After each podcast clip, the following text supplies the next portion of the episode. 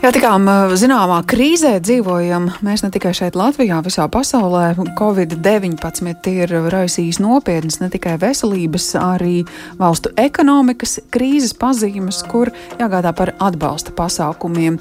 Un par tiem savu vērtējumu izteikusi arī Fiskālās disciplīnas padome, aizrādot, ka aizvien vairāk šie atbalsta pasākumi pie mums izskatās pēc politiskiem, nevis ekonomiski pamatotiem lēmumiem.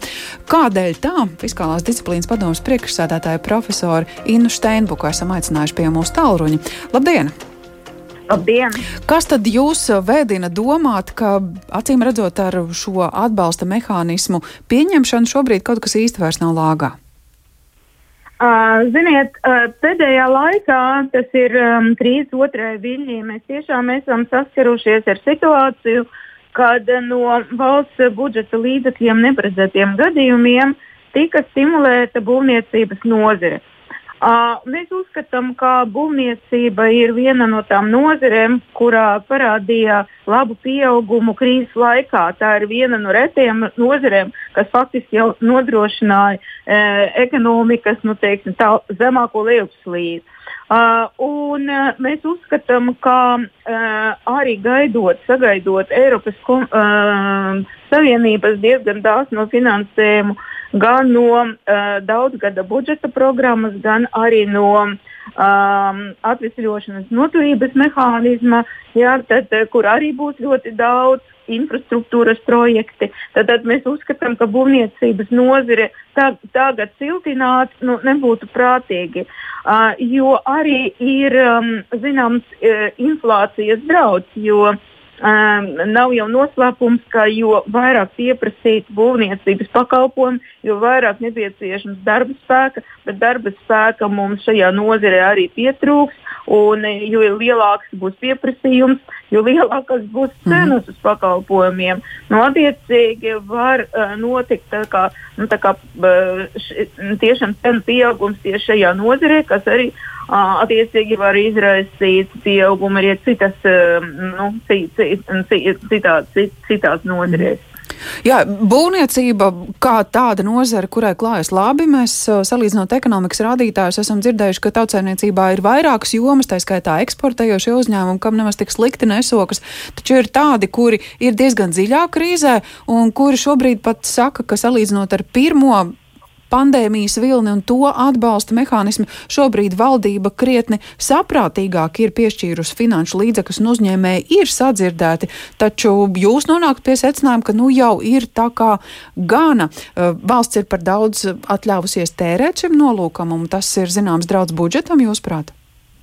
Nu, teiksim tā, ja mēs paskatīsimies, um, kāds bija valsts atbalsts kāda bija valsts atbalsta ietekme uz uh, budžeta uh, parādu. Jā, tad 20. gadā, nu, tad, kad ir, mēs cīnījāmies uh, ar pirmo krīzes vilni, tas sastādīja apmēram 3,7% no IKP.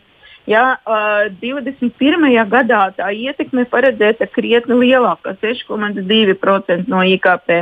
Atkal, ja mēs salīdzināsim sevi Latviju uh, pēc atbalsta pasākumiem ar citām valstīm, tad uh, pirmajā viļņā uh, mēs principā uh, atpalikām no, nu, piemēram, no, da, no, dalību, no kaimiņu valstīm, no Igaunijas un Lietuvas. Mums bija zemāks tas atbalsts.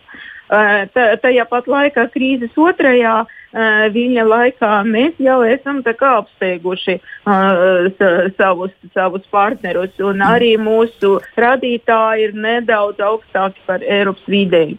Nu, tā, es jau nesaku, ka nevajag atbalstīt Jā. uzņēmumus, ja vienkārši mums ir jārēķinās ar to, ka mēs nevaram, ka, ka saka, apdraudēt fiskālo mhm. -huh. ilgspēju un uh, valsts parādām tuvojoties jau 50%.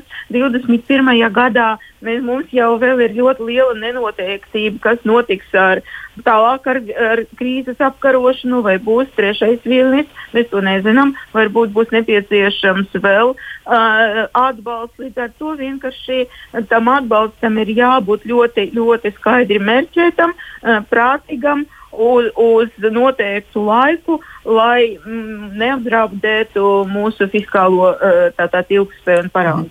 Paldies par šo situāciju skaidrojumu Fiskālās disciplīnas padomas priekšsēdētāja profesorai Inai Steinbukai. Un komentāru lūksim arī Latvijas avīzes pielikuma Latvijas biznesa redaktoram Olavs Zvēnieks pie mūsu tālruņa. Labdien! Labdien! Vai piekrītat, ka šobrīd jau tajos atbalsta mehānismos var saskatīt kādu drīzāk politisku, nevis ekonomisku kontekstu? Nu, vai tomēr, kā uzņēmēji saka, ka, ka šobrīd šķiet, ka valdība ieklausās un, un ir gatavāka iesaistīties nu, un palīdzēt? Jāsaka, Steinbuks kundzes teiktajam es piekrītu tikai daļēji. Noliek to, ka valdībai ir dažas reizes paslīdējusi kāja atbalsta pasākumos, es neiešu. Uh, Steinbuks kundzei ir taisnība par tiem 200 miljoniem celtniecībai. Uh, tāpat uh, tā teikt, šajā pašā plauktiņā varētu ielikt arī 200 eiro pabalstu visiem pensionāriem, kur tieši šobrīd aprīlī maksā, jo nav līdz galam skaidrs, kādā veidā uh, lielai sabiedrības grupai ar fiksētiem ienākumiem pie ļoti zemes inflācijas bija tik ļoti pasliktinājies uh, uh, dzīves līmenis. Uh, um, labklājības ministrs šai sakarā tur būsim atklāti lēja ūdeni par to, ka ir cilvēkiem milzīga psihoemocionālā slodze un ka jānopērk maskas un dezinfekcijas līdzekļi, bet, nu, godīgi sakot, 200 eiro ir grūti saprotam, kā tiek izmantoti psihoemocionālās slodzes mazināšanai. Īstenībā, atklāti runājot, priekšvēlēšana periodā ietekmīga sabiedrības grupa vienkārši paprasīja un viņai vienkārši iedeva. -hmm. Ko gan varētu teikt valdībai par attaisnojumu? Abos minētajos gadījumos nauda nonāca tajās vietās, kas nav labi uzturētas un kopumā varētu nākt valstī tikai par labu.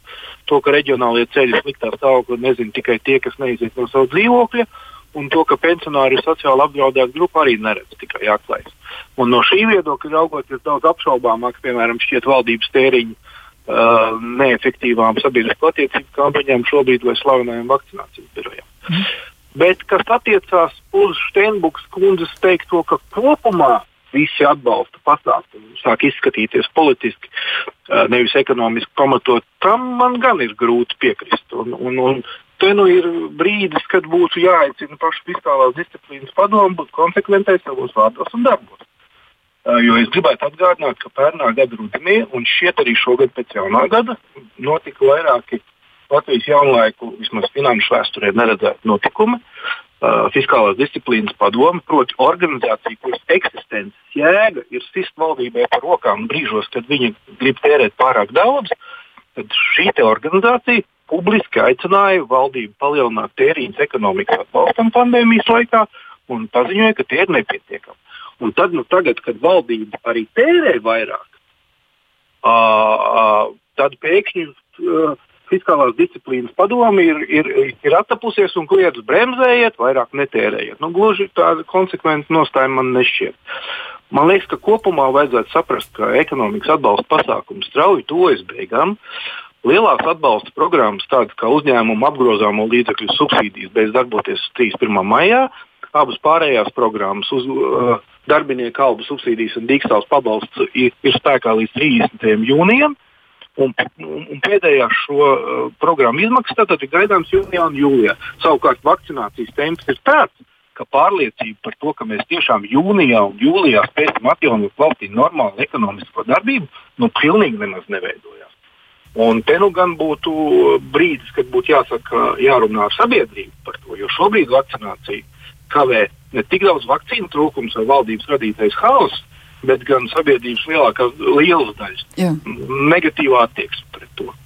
Nu, tur gan vēl arī jautājums par uh, vecuma grupām un tām prioritārajām grupām, kurām šobrīd ir iespēja vakcinēties, bet to patiesi valdības šīs dienas darba sēdē varēja nojaust, ka valdības vadītājs ir gana pikts par uh, to, ka vakcīnas ir un šobrīd nav kas vakcinējis, gaidot Jā. arī nākamās vakcīnu piegādes. Paldies par šo skatījumu un komentāru saku Latvijas avīzes pielikumu Latvijas biznesa redaktoram Olafam Zvejniekam runājām par atbalsta mehānismiem, kur savus vērtējums un skatījums skatījumu salīdzinot uh, krīzes pirmā un šobrīd otrā viļņa piešķirto valdības atbalstu uzņēmējiem ir fiskālās disciplīnas uh, padomē un tikko dzirdējām arī žurnālista komentāru.